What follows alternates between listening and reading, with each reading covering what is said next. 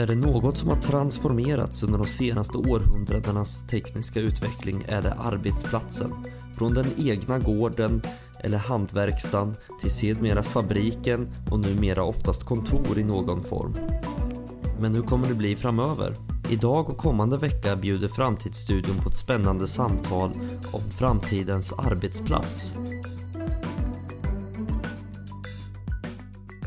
Ja, hallå igen från Framtidsstudion. Fredrik Thorberger här idag med våran gäst Ulf Boman. Välkommen hit! Tack! Du är ju Kairos Futures expert kring morgondagens arbetsliv och arbetsplatser. Men berätta lite bredare, hur hamnade du på Kairos Future? Jag jobbade på 90-talet med framtidsfrågor och scenarier och framtidsstudier på Vattenfall och tyckte att det här var så himla kul. Det ville jag göra på heltid.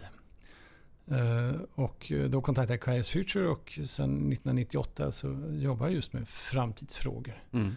Eh, scenarioplanering, omvärldsanalyser, strategiutveckling för en mängd olika kunder och verksamheter i Sverige och internationellt. Just det, och du utbildar ju också i våra kurser. Ja, det gör jag. Det är jättekul att få träffa folk som vill veta hur jobbar man med det här. Och jag är ansvarig för vår internationella utbildning, International Certified Future Strategist, som vi gör tillsammans med ett antal europeiska företag och deltagare från alla möjliga länder. Just det. Pågår en sån utbildning just nu? Nästa omgång börjar i januari 2020. Mm mm. Så att om du vill lära dig någonting om detta så anmäl dig genast. Eh, det kan varmt rekommenderas. Det är förmodligen den roligaste kursen vi har här på Kairos. Mm, säger du ja. Jag tror min är roligare. Hur som helst. Eh, när du var på Vattenfall, vad var de stora framtidsfrågorna då? Eh, faktiskt klimat. -hmm. Eh, det jag jobbade med var väldigt mycket kring bioenergi och hur vi kunde använda det för att minska vår klimatpåverkan och eh, minska vår sårbarhet när det gäller eh, energitillförsel. Minska oljeanvändandet. Ehm, jag gjorde en kort liten studie kring det som man nu pratar om, CCS, Carbon Capture and Storage. Jag tittade på bioenergisystem och så vidare. Men tittade också då på framtidens energi energifrågor. Vi gjorde en, en framtidsstudie, en, en scenariostudie som grund för forskningsstrategier. Jag jobbade på forskningsavdelningen.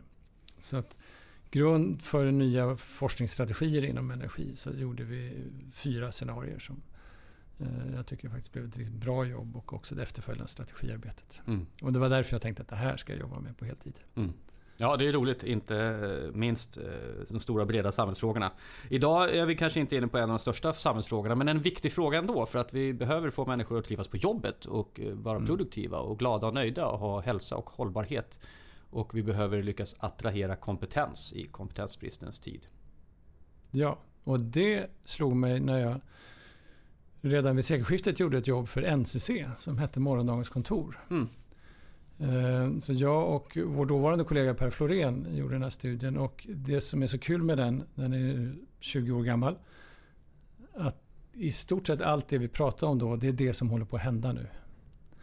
Eh, och sen har jag följt det här och jobbat med kontorsfrågor sen dess. Jag tycker att det är ett otroligt spännande område. Mm. Och innan vi ger oss in på det området måste jag bara eh, dela en reflektion. För jag kan få känslan, jag har ju inte varit här sedan eh, 1998 som du har. Utan är betydligt färskare i gården. Men en iakttagelse känns som att det gjordes en hel del spaningar kring eh, 90-talets slut, eller mitten på 90-talet också från Kairos sida, och säkert andra, men från Kairos sida, som idag är verklighet och det är det folk agerar på. Har det blivit svårare att säga någonting om de kommande 15-20 åren än vad det var då? För ibland tänker jag att det kommer skiften som kanske i sin början eh, det liksom, de, de pekar i en ganska tydlig riktning. De kommer från de här konsekvenserna. Vi är bara inte där än för att tekniken är inte så spridd. Men den finns. Är det svårare att säga samma sak idag? Jag skulle säga att när det gäller teknikutveckling så är det hyfsat lätt, eller inte jättesvårt, att förutsäga vad som kommer att komma. Mm det, här, det svårare är våra mänskliga beteenden och sociala frågor. Alltså hur kommer vi att bete oss? Hur kommer vi ta till oss det här? Um, att man skulle kunna se någon, någon slags um, system som underlättar transporten i städerna skulle, var väl inte så svårt att förstå. Men att plötsligt alla folk skulle åka omkring på elskotrar det är både en teknisk och en social utveckling. Uh, och sen att de slänger dem överallt och inte parkerar dem snyggt och prydligt. Det är också en social utveckling. Det där kanske var svårare att förutse. Mm. Det tog många av oss på sängen. Um, är det svårare i framtiden? Ja, vi är inne tror jag snart i ett större paradigmskifte. Uh, där vi nu har varit inne i en tid där vi har sökt den starka leden, där vi har frågasatt de, de gällande normerna. Uh, men där vi kommer att komma in kanske i ett nytt samhällsbygge, en ny gemensam epok. Ja, det är inte ens ett kanske skulle jag påstå. Ja, men kanske det är när snarare. Ja, alltså, ja. När sker det här? Mm, mm. Det sker ju inte kanske 2020 men någon gång under 20-talet. Mm, mm. Och är man i det paradigmskiftet då är det klart att det är svårare att säga exakt vad som kommer att hända och när det kommer att hända. Mm.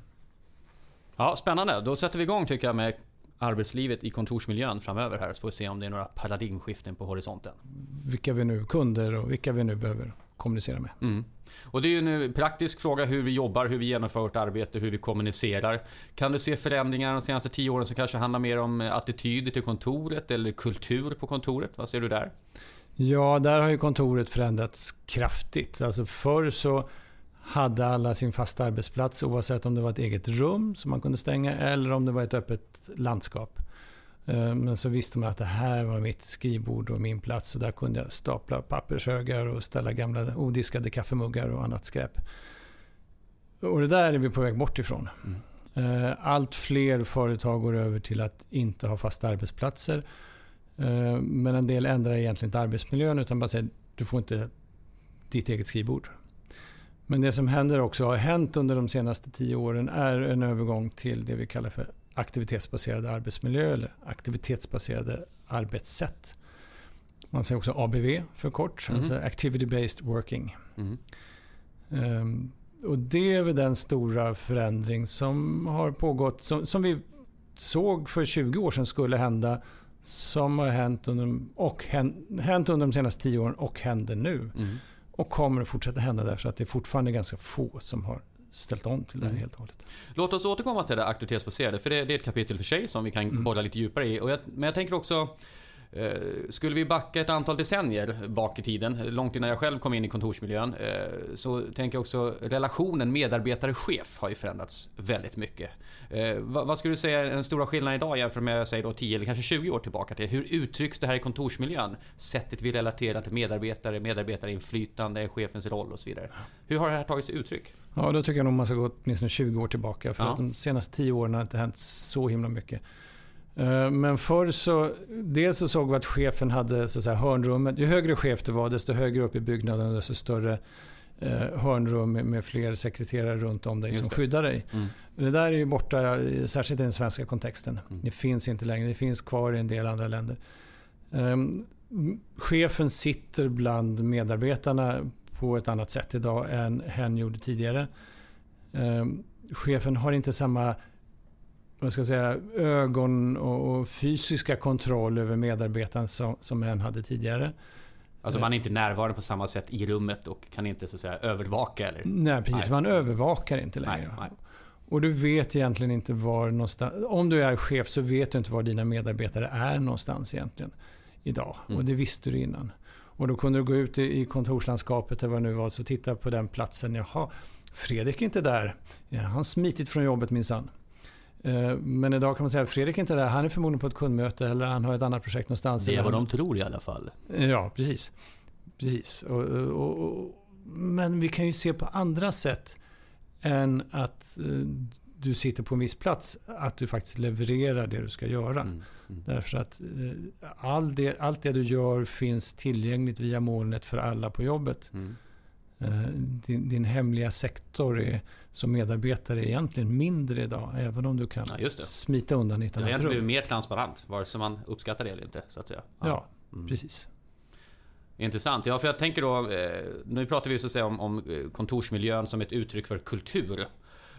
Hur skulle du säga att vi har förändrats de senaste 10 eller säg 20 åren då när det gäller att använda, aktivt använda kontoret som kulturuttryck? Ja, det har blivit tydligare också.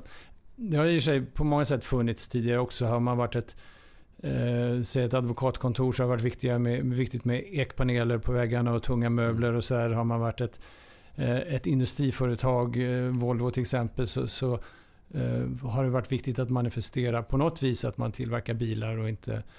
Eh, men att man tillverkar saker kanske. Eh, mm. Så.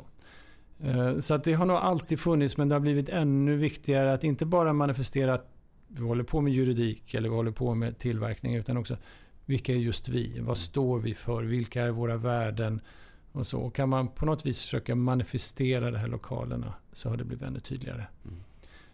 Men det är klart att genom alla tider så har det ju funnits så att säga, skrytbyggen och, och elegantare kontor. Och om jag tittar på de stora bankpalatserna i centrala Stockholm eller i andra städer så de sticker ut. Mm. Ja, då måste jag bara dra en liten anekdot här. Jag var ju hos SKL för ett tag sedan eh, och höll föredrag och då fick jag också lyssna till Claudia Wallin, brasiliansk född svensk journalist. Och hon fick ju reda på hur svenska riksdags Eh, ledamöter och svenska politiker vilka villkor de jobbar under och tyckte det här var ju fantastiskt kontrast jämfört med hur det är i Brasilien.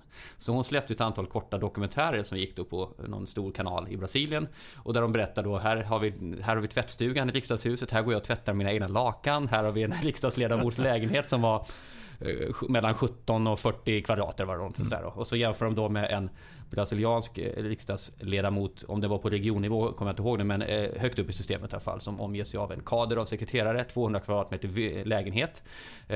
Och det roliga var att de har ju sjukförsäkring naturligtvis då, men det typiskt brasilianska för mig, lite fördomsfullt, det var att den också täckte plastikkirurgi. och familjen runt omkring. Så att det var ju en helt annan värld och hon visar just ett filmklipp på då hur en grön politiker i, i Brasilien hade fått tag på hennes bok och sitter i en talkshow och de liksom läser korta citat ur den här boken och de, man ser så tydligt på dem, de kan inte fatta den här skillnaden. Men det hade väckt en väldig diskussion i Brasilien då om vad, eh, vilka villkor politiker ska ha. Där tänkte jag bara som en, en liten koppling ja. här till hur man, vilka miljöer man får vara i och vilken lyx man har eller inte har. Då, så att säga. Ja, men, och jag tror att det handlar inte bara om miljö, det handlar ju också om förhållningssätt till varandra. Mm. Det här att man eh, hur beter man sig mot andra? Vi är väldigt egalitära i Sverige. Mm. Vi införde du-reformen på 60-talet. Mm. Um, vilket var en stor sak då. Men, men, nu ser man ju du och tjena med vem som helst. Um, och jag var med om en upplevelse, bara skillnad, liksom, vi behöver inte gå till Brasilien, vi kan Nej. gå till Tyskland. Aha. Uh, dels kan vi se på möbleringen i Tyskland, det är mycket tyngre, det är mycket eh, mer gränssättande och identifierade. Okay. Här är chefsmöbler, det kan inte vem som helst ha utan det är jag som är chef som har de här möblerna, du som är vanlig medarbetare mm. får lite andra. Men också beteende. Jag var med om en konferens här i Stockholm för ett antal år sedan. På, eh, och det var en tysk-svensk, eh, ett tysk-svenskt arrangemang. Och det var en tysk facilitator för det här mötet. Mikael Damberg, som då var, det här var under socialdemokratisk regering, tror jag. Nej, han var bara riksdagsledamot. Han var, satt inte i regeringen, Nej. han var bara Nej. riksdagsledamot. Han skulle vara med på det här mötet. Han kom lite sent. Vi andra, vi svenskar brydde oss inte om när han klev in i rummet. Men då stannade tysken upp hela mötet och sa och nu välkomnar vi riksdagsledamoten Mikael Damberg.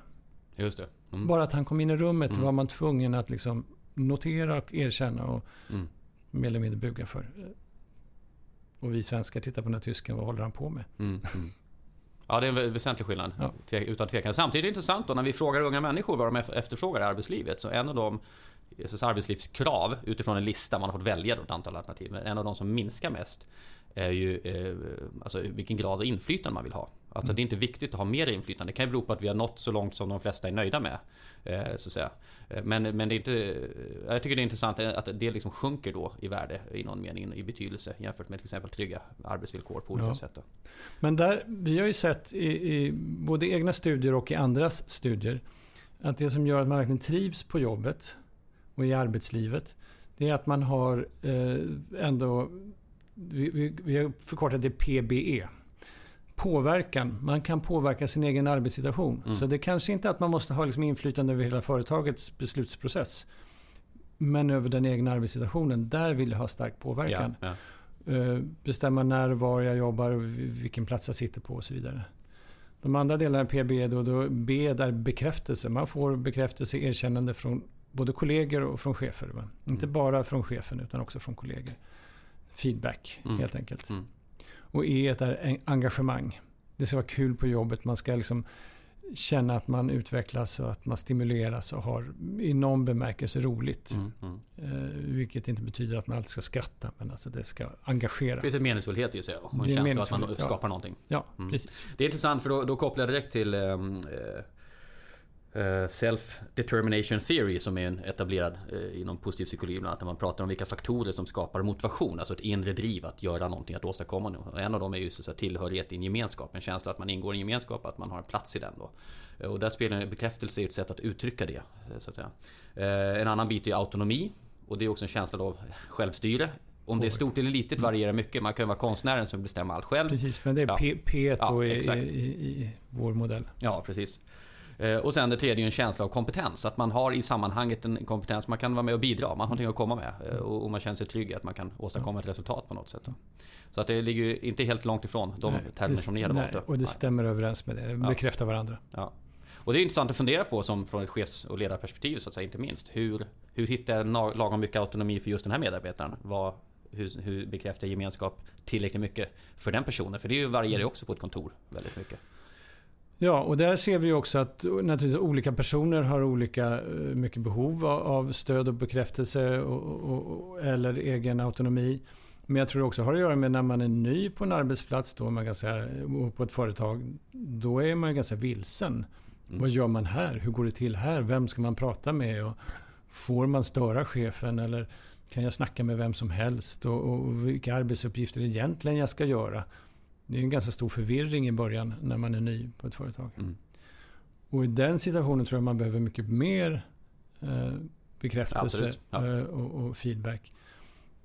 När man sen har jobbat på ett företag jättelänge som jag har gjort här. Jag har varit nu mer än 20 år här på Kairos jag vet ganska väl själv vad jag ska göra. Ja. Men det är klart, jag vill ju också ha bekräftelse. Ja, men så är det Precis. Men eh, låt oss fara tillbaka till kontorsmiljön då och framtidens arbetsliv i det perspektivet. Vi pratar om en aktivitetsbaserad arbetsmiljö. Berätta lite mer. Vad, vad kännetecknar det här kort? Ja, det som kännetecknar aktivitetsbaserad arbetsmiljön är att på kontoret, inom, i den byggnad man sitter i eller de lokaler man har så finns det många olika typer av eh, arbetsmiljöer. Det finns skrivbordsplatser. Det finns skrivbordsplatser kanske som står i rum som du kan stänga om, alltså det vi kallar för cellkontor. Det kanske finns skrivbordsplatser i någon slags öppet landskap på olika sätt. Eh, det finns olika typer av mötesrum, stora, små. Mötesrum som är mer designade för kanske beslut och andra för kanske någon slags kreativt möte. Mm. Små mötesrum där man kan sitta två, tre stycken bara och snacka om någonting. Eh, eller ett med jättelångt eh, samman, eh, vad heter det, typ styrelserum. Det. det finns kanske någon loungemiljö, någon kafémiljö, kanske någon biblioteksmiljö. Ofta någon miljö som är helt tyst, där man inte får prata. Så att är en stor variation av miljöer. Så att jag som medarbetare, när jag kommer till jobbet på morgonen eller senare under dagen, så bestämmer nu ska jag göra den här aktiviteten. Men det finns alltså inte så gott om egna skrivbord helt enkelt? I det normala fallet finns det inga egna skrivbord alls. Nej. Ingen fast arbetsplats alls. Eh, men sen behöver man ju då fundera på hur... På just vårt företag eller på just vår arbetsplats så kanske det är bra att personen X har en egen arbetsplats av olika anledningar. Så att det, man får inte vara rigid i det här utan, utan tanken med hela aktivitetsbaserade arbetsmiljön är att man designar miljön för just det här, den här organisationens verksamhet. Mm. Och vad är det som har drivit fram den här utvecklingen? Övergången från då öppna kontorslandskap som var väl den stora dominerande idén innan till det här. Vad är det som har varit pådrivande? Det är ett antal samverkande faktorer skulle jag säga. Den ena handlar om eh, någon slags produktivitet och engagemang. Att, att eh, få folk att prestera bättre. Eh, vi har sett att vi gör olika saker under en dag. Vi har insett det på ett annat sätt än vad vi kanske insåg tidigare. Så det innebär att i och med att jag gör olika saker så behöver jag olika platser att, att göra detta. Det är som i hemmet.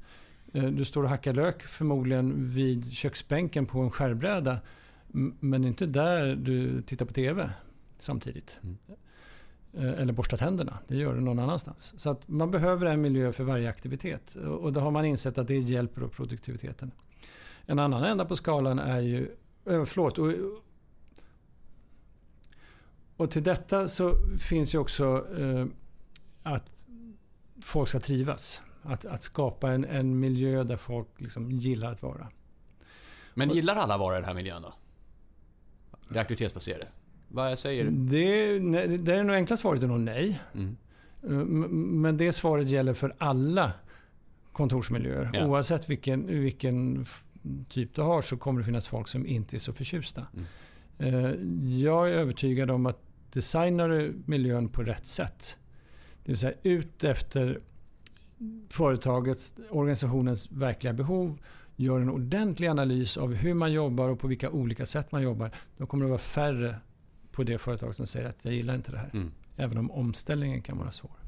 Sen, men sen finns ytterligare en drivkraft då kring varför man gör det. Och det är ju en ekonomisk drivkraft också.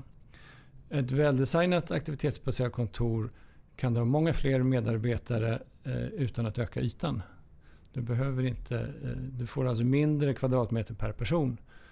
Eh, därför att du utnyttjar dina lokaler. Det är inte massa tomma utrymmen, inte massa skrivbord som står tomma. Ja, just det. Den tar hänsyn till att folk är borta och jobbar och ute och far och så vidare. Så att Ja, eller att de sit- platser. Eller att de sitter i möten kanske. Ja. Då behöver ni, om du sitter i möten hel förmiddag, varför ska det stå tomt skrivbord där? Mm, mm. Är det här eh, en eh, stabil utveckling framåt? Kommer vi se de här lösningarna över lång tid nu? Eller är det något annat på gång? Nej, jag vill nog påstå att vi kommer att se det här över lång tid framåt. Men det kommer att få eh, olika varianter, olika twist på det hela så att säga.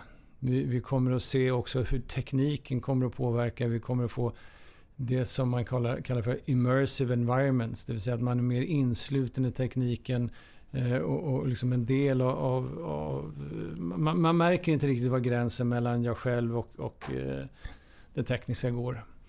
Ehm, det kommer att vara mer, tror jag, såna här saker som ehm, gröna, alltså miljöer som, som, som härmar naturen. Det. Så att man känner att man är naturen och sådär. Men jag tror att eh, när man väl har fått smaka på det här att kunna själv välja var ska jag utföra just den här aktiviteten. Jo, jag hitt, det kan jag göra där. Och det är en jättebra plats för det. Då vill man inte lämna det. Okej, nej. Ja, jag tänker på människor som eh, betecknar sig som introverta, som tycker att det är skönt att sitta ostört. Mm. Eh, så, å ena sidan. Å andra sidan har vi ju extroverta människor som störs av allt som rör sig. Även om de behöver stimulans så blir det också svårt att skärma av. Så att, eh, det kan vara en utmaning åt båda hållen. Men, men Och då är det finns ju de här- perfekt. ja, Då finns ju rummen där du kan stänga in dig. ja. Eh, Det finns platserna där du kan hitta din eh, Bör man kartlägga sina medarbetare först så man vet hur många rum man behöver? Ja, alltså att göra... Ja, du behöver eh, kartlägga hela verksamheten. Du måste Ja. göra en ordentlig analys först. Mm. Och grejen är att eh, för en del som, som kritiserar ABV, de säger att måste alla göra likadant? Mm. Men grejen är att vi ska göra olika allihopa. Och om vi nu på Kairos har en bra arbetsmiljö så kommer någon annan hit och säger åh vad fint, så ska vi också göra. Uh-uh, varningens finger. Inspirera gärna av oss men gör en egen analys. Vad behöver ni? Hur ska det se ut hos er? Förmodligen inte likadant som hos oss. En annan förändring som har pratats om länge och som är ju i någon mening eh, i full svung, det är ju det här med distansarbete och möjligheten att jobba hemifrån. Eh, hur ser utvecklingen ut just nu? Ökar det eller är det, har vi liksom landat i en nivå, människor vill jobba en viss mängd hemifrån men inte så mycket mer än vad vi ser idag? Eller vad, vad ser du för utveckling? Eh, jag har inte någon statistiska fakta just nu. Men jag ser inte att det egentligen ökar i någon större utsträckning. Det kan finnas företag eller organisationer där man inte får flexa, där man inte får arbeta hemma. De kommer att ställa om tror jag och i så fall blir det en marginell ökning. Är det ett konkurrensmedel i jakten på kompetens? Det är definitivt ett, jakt, eh, ett konkurrensmedel i jakten på kompetens. Eh, Därför jag tror att de flesta människor, apropå det här PBE jag pratade om, påverkan att själv kunna bestämma. Jag själv och jag vet många med mig skulle bli galna om jag inte, om jag inte fick jobba hemma då och då. Mm. Det innebär inte att jag vill jobba hemma jämt. Jag vill oftast gå till kontoret. Jag tycker det är mycket roligare att jobba på kontoret än hemma. Men ibland så är det en befrielse att kunna sitta hemma och jobba. Eller på landet, eller på kaféet, eller på tåget. Eller hos någon konkurrent, kanske inte just hos en konkurrent, men hos en kund. Ja, Ehm, intressant tanke annars, man kan få inspiration där. Ja. Ja. Så att ehm, om jag inte fick göra detta, då skulle jag bli galen. Men det innebär ju ändå att jag är på kontoret de flesta dagar. Ja, för det är ju lite av en ny norm att man ska kunna göra det i många, många branscher i alla fall. Mm. Inte alla naturligtvis, det går absolut inte. Men eh, när vi frågat folk då var de har sin bästa arbetsplats, vad svarar de? På kontoret. Det är så tråkigt som så här. Vi har frågat dem, var är du som mest kreativ? Var är du som mest ehm, eh, produktiv? Vad lär du dig mest? Och ett antal sådana frågor. Mm. Ja, på min, ordinarie, på min ordinarie arbetsplats, på mitt kontor. Mm. Intressant. Ser du en skillnad här mellan unga och äldre? Vet du om det finns något sånt? Ingen större skillnad faktiskt. Nej. Ehm, Det gäller generellt. Eh, kanske är äldre mer vana av att vara på kontoret eller snarare mer ovana att vara någon annanstans. Mm. Ehm, Vi har ju sett också en, en utbildningsexplosion, det vill säga många, många fler har studerat på universitet och högskola. Där man egentligen jobbar aktivitetsbaserat. För ena stunden har du en eh, kurs i det här och nästa stund kurs i det där och sen ska du sitta på biblioteket och plugga och så vidare. och så vidare. Mm. Mm, Yngre är, fler unga är vana att jobba på det viset skulle jag säga än fler äldre.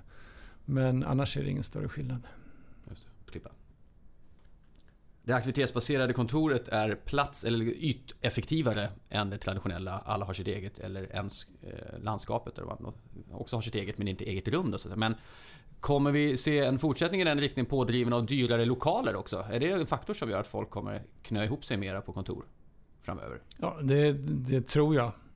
Ja, återigen ingen statistik Nej. som bevisar men det, jag räknar med det. Det blir ju dyrare och dyrare hyror i centrala lägen. Mm.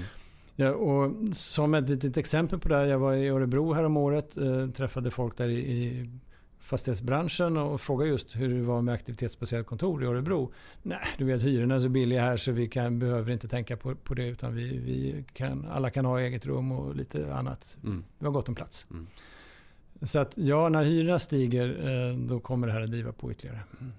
Och samtidigt är det så att om vi nu ska ha den här breda variationen på arbetsytor så behöver vi i grund och botten ha ändå en ganska stor yta. Alltså det kan inte vara ett hur litet företag som helst som lyckas med det här för man har helt enkelt Mm. inte nog med rum att Nej, det är riktigt. designa. Ha. Nej, det är riktigt. Alltså vi, tror jag vi är drygt 30 medarbetare. Jag skulle säga att det är någonstans där 25-30 medarbetare som är minimum. Eh, Är man mindre än det så blir det svårt att, att skapa liksom ett stort mötesrum och ett litet mötesrum och ett enskilt rum och, och så vidare. och Så vidare till, så att det passar alla. Mm. Men är det ett par hundra eller ett par tusen då är det inga som helst problem. Men då tänker jag också, det finns ju människor då, många som jobbar, de flesta företag är ju små, alltså verkligen små också. Eh, Och då finns ju möjligheten att jobba på coworking spaces. Ja. Hoffis och Coffis till exempel. Berätta lite, vad är det för något? Eh, och Hoffis och Coffees är, är ju eh, specialvarianter som är kanske inte riktigt, ja det är en slags coworking, men, men coworking-ställen annars det är just det lilla företaget, en, två, tre mansföretaget, ibland lite större, som har rätt att vara då i ett större, om det, ofta aktivitetsbaserad miljö, behöver inte vara det. Alltså, en variant är kontorshotellet, Regus. Ja. Då har du ditt eget, i en större miljö så har du ditt eget kontor. Och sen finns det service med skrivare, kaffe, eh, receptionist och så. Mm. Men andra ställen som eh, till exempel United Spaces som startade redan för 20 år sedan. Eh, mig vet lite första. Eh, det kanske finns andra. Som där du antingen kan bara ha rätt att vara där. Så du har ingen fast arbetsplats alls. Och så finns det några som har egna rum och, och några som har egna skrivbord. Och det finns liksom en variation av det här beroende på dina behov. Och det innebär ju att som ett litet företag så kan du ha glädjen och nyttan av någon slags ABV-miljö. Eh, Där också naturligtvis finns kaffemöjligheter och, och liksom umgängesmöjligheter, möjlighet att träffa andra människor, vilket Mm. kan vara jätteviktigt. Mm. Sen har vi då specialvarianten som vi är inne på, då, Hoffis och Coffis. Um, Coffis är att du gör det här ungefär fast på café. Ja. Um, Hoffis är en annan specialvariant för det är hemma hos. Eh, och då bestämmer vi till exempel att på onsdag nästa vecka då är vi hemma hos mig. Då tömmer jag mitt kylskåp, var och en tar med sig sin egen mat och så där, och sen gör jag en yta där vi kan sitta och jobba. Och sen har man ändå ganska strikt schema, liksom att vi jobbar koncentrerat var och en med sin sak, säg mellan 8 och 9. Sen tar vi en kort paus och, reflektionsstund. Sen jobbar vi en timme till, kort paus och sen så, så småningom käkar vi lunch och så vidare. Så att det är styrt. Sen finns ju ytterligare en variant eh, som är ganska kul, som, tycker jag, som heter Guerrilla Office. Eh, och den rör sig här i Sverige i alla fall. Eh, de, går in, de tar över en hotellobby då och då. Ah, eh, och sitter där och jobbar, men med hotellets goda minne och liksom godkännande av dem. mm. Och så flyttar de runt till olika hotellobbys. När du pratar om det här med Hoffis då så säger du att man styr upp lite innan hur processen ska se ut. Vi jobbar fokuserat Mm. och sen så. Och då får mig att tänka då på morgondagens arbetsliv, kravet på innovation, nytänkande. Eh, människor blir allt mer specialiserade inom sina kunskapsområden. Eh, åtminstone i större organisationer så eh, kan det vara väldigt spridda var man kommer ifrån bakgrund så att säga för att kunna bidra till helheten. Och då tänker jag att strukturera hur arbetet ska gå till, om vi låter dra ut det i förlängning till processledning, behovet av innovationsledning. Så är det här en del av framtidens arbetsliv? Kommer vi ha fler människor vars uppgift är att facilitera möten? Ja, jag tror det. Vi kommer att behöva mötas allt mer, det ser vi. Och, och vi ser för, i våra mätningar också att eh, möten, både planerade och spontana, blir allt viktigare. Uh, och där tror jag att det är många som klagar på möten. Oh, jag har så mycket möten och de är så mm. tråkiga. Så här. Ja, vi behöver facilita facilitatorer. Folk som kan leda mötena, som kan hjälpa oss genom den här processen. Ehm, på ett smart sätt. Och jag tror att, eh, fast jag inte har något belägg för det än så länge, men jag tror att på ett generellt plan också på, på arbetsplatsen att det kan behövas, eh, ja, att ledarna egentligen, cheferna blir ledare som blir facilitatorer, som blir processledare, som hjälper oss att att göra det vi ska göra. Oavsett om vi gör det då tillsammans i just det ögonblicket eller om du jobbar med din grej, jag med min grej och någon annan med sin grej. Så någon som hjälper oss att facilitera det. Men mötena tror jag blir absolut jätteviktiga att facilitera på mm. ett smart sätt så att man kommer framåt. Därför mm. att om, om, det är några som inte är vana vid det här så går de in i det här mötesrummet och sen undrar de egentligen hur ska det här gå till? Eh, och en del sådana möten blir väldigt, väldigt dåliga. Mm. Både du och jag har ju varit lärare här för eh, Kairos Futures kurs i workshop design, att leda workshop och processer. Eh, och där tänker jag lite, jag säger emot det lite. Jag tänker här, ja det är möjligt att behovet av chefer som förstår processer tror jag blir jätteviktigt. Men sen är frågan vem som ska leda en process eftersom att det uppstår en hierarki direkt i rummet så att säga. Så att, och det är ju sköna med att ha en extern processledare. Och det, det tänker jag om man inte själv har reflekterat så jättemycket av behovet av en sån här så tror jag att det är viktigt att ta med sig det. Att ska man ha någon som jobbar med det så ska den personen i sig inte ha någon formell makt över rummet annat än att vara den som designar. Hur tänker vi tillsammans kring samma sak under en begränsad tid utifrån en viss syfte så att säga. Så att, men jag upplever själv det att det en, en väldesignad process är ju radikalt mycket mer effektiv mm. än det spontant ihop snickrade mötet så att säga som, som verkligen kan dra åt alla möjliga håll och skapa frustration på olika sätt. Ja, men samtidigt så behöver vi det spontana mötet. Ja, just det. För man möts plötsligt. Du Fredrik, ja. jag har en idé. Skulle inte vi kunna hitta på den här grunkan? Ja. Och då antingen reagerar du som ja vad kul eller vad fan snackar de? Mm, mm. Men, eller hur det nu blir. Men i det spontana mötet när jag ser dig så uppkommer någonting. Eh, och det spontana mötet måste också, inte fast, det måste underlättas. Mm. Lokalerna måste vara sådana att det finns sådana mötesplatser. Vi har ju ett här själva som jag nu börjat kalla för den trånga sektorn där vi har vår kaffeservering. Där är det nämligen, särskilt om man har gäster på kontoret, svårt att komma förbi. Just det. Mm. Det blir en trång sektor mm. rent fysiskt. Och då upptäcker man, nej men hej, är du här? Vad trevligt. Varför är du här? Kan vi prata om något? Jag har en idé. Precis. Och då på tal om, om mötesplatser då. Eh, vi gjorde en rapport för ett par år sedan när vi frågade människor om vilka förändringar som kommer komma i arbetslivet och kontorsmiljön mm. framåt. Och då förutsåg de här respondenterna att 2022 så kommer kreativa ytor, det var lika självklara, alltså specialdesignade ytor för kreativitet, kommer vara lika självklara som dagens mer traditionella mötesrum. Vad tror du om den prognosen? Jag tror att den är alldeles riktig. Även om årtalet är, men i början på 20-talet, ja. Eh, jag tror att allt mer det krävs allt mer innovation, påhittighet, kreativitet på olika sätt. Både den strukturerade processen och den mer liksom, eh, brainstormande, vilda processen. Båda behövs. Eh, och då behöver vi ha rum, ytor, miljöer som stimulerar den här kreativiteten. Ja, och hur ser de ut? Ja, eh, då ska man nog egentligen fråga någon annan än mig. Jag är inte helt bra på, på detta. Men det handlar dels om färgsättning. Vi vet att vissa färger eh, lär stimulera kreativitet bättre än andra. Eh, det ska vara möblemang som, som inte hindrar oss i vare sig vår rörelse eller vår tankemöjlighet. Um, alltså det ska en flexibilitet så att säga. Ja, ja. Mm. Men också att den inte liksom, möblerna är liksom stela och strikta i sig själva. Utan okay. de kan vara lite varma. Och så mm. ska det finnas mycket eh, ytor att rita på. Mm. Tror jag. Mm. Eh, väggar, blädderblock, eh, Mm. golv, eh, bord, tak, vad du nu kan rita på. Eh, fönster, whatever.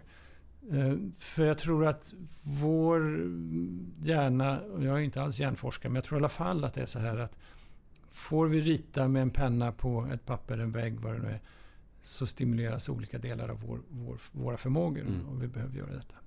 Men kanske kommer också använda eh, VR-faciliteter och, och videogrejer och annat kuligt tekniskt som jag inte ens vet vad det heter Mm. i de här kreativa rummen. Ja, en trend som jag tror vi kan eh, slå fast ganska tydligt det är ju en växande intresse för det med graphic recording. Att helt enkelt anlita en tecknare som illustrerar under en processgång. Så att säga. Sittandes antingen med en padda i knät och en eh, digital penna. Eller på whiteboarden. Och det, vi har ju även gjort det själva här. Jag har ibland tecknat för möten och det är slående alltså vilken effekt det har på människor. Att det som sägs också manifesteras i rummet. Det har varit väldigt inspirerande att prova det och, och följa med till exempel. Illustrera ett möte på 4-5 timmar och sen när det har nått liksom ena änden och börjar närma sig avslut så att säga, Då var det möjligt för mig som tecknare att gå tillbaka och referera till hela samtalet nästan.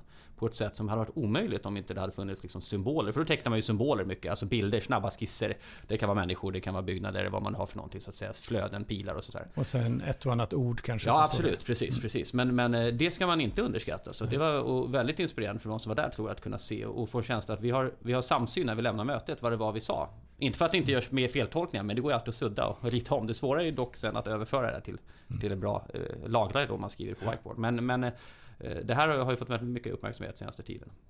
Och jag tror att det är jätteviktigt. Jag har varit med om flera sådana eh, workshops. Särskilt om det är större möten.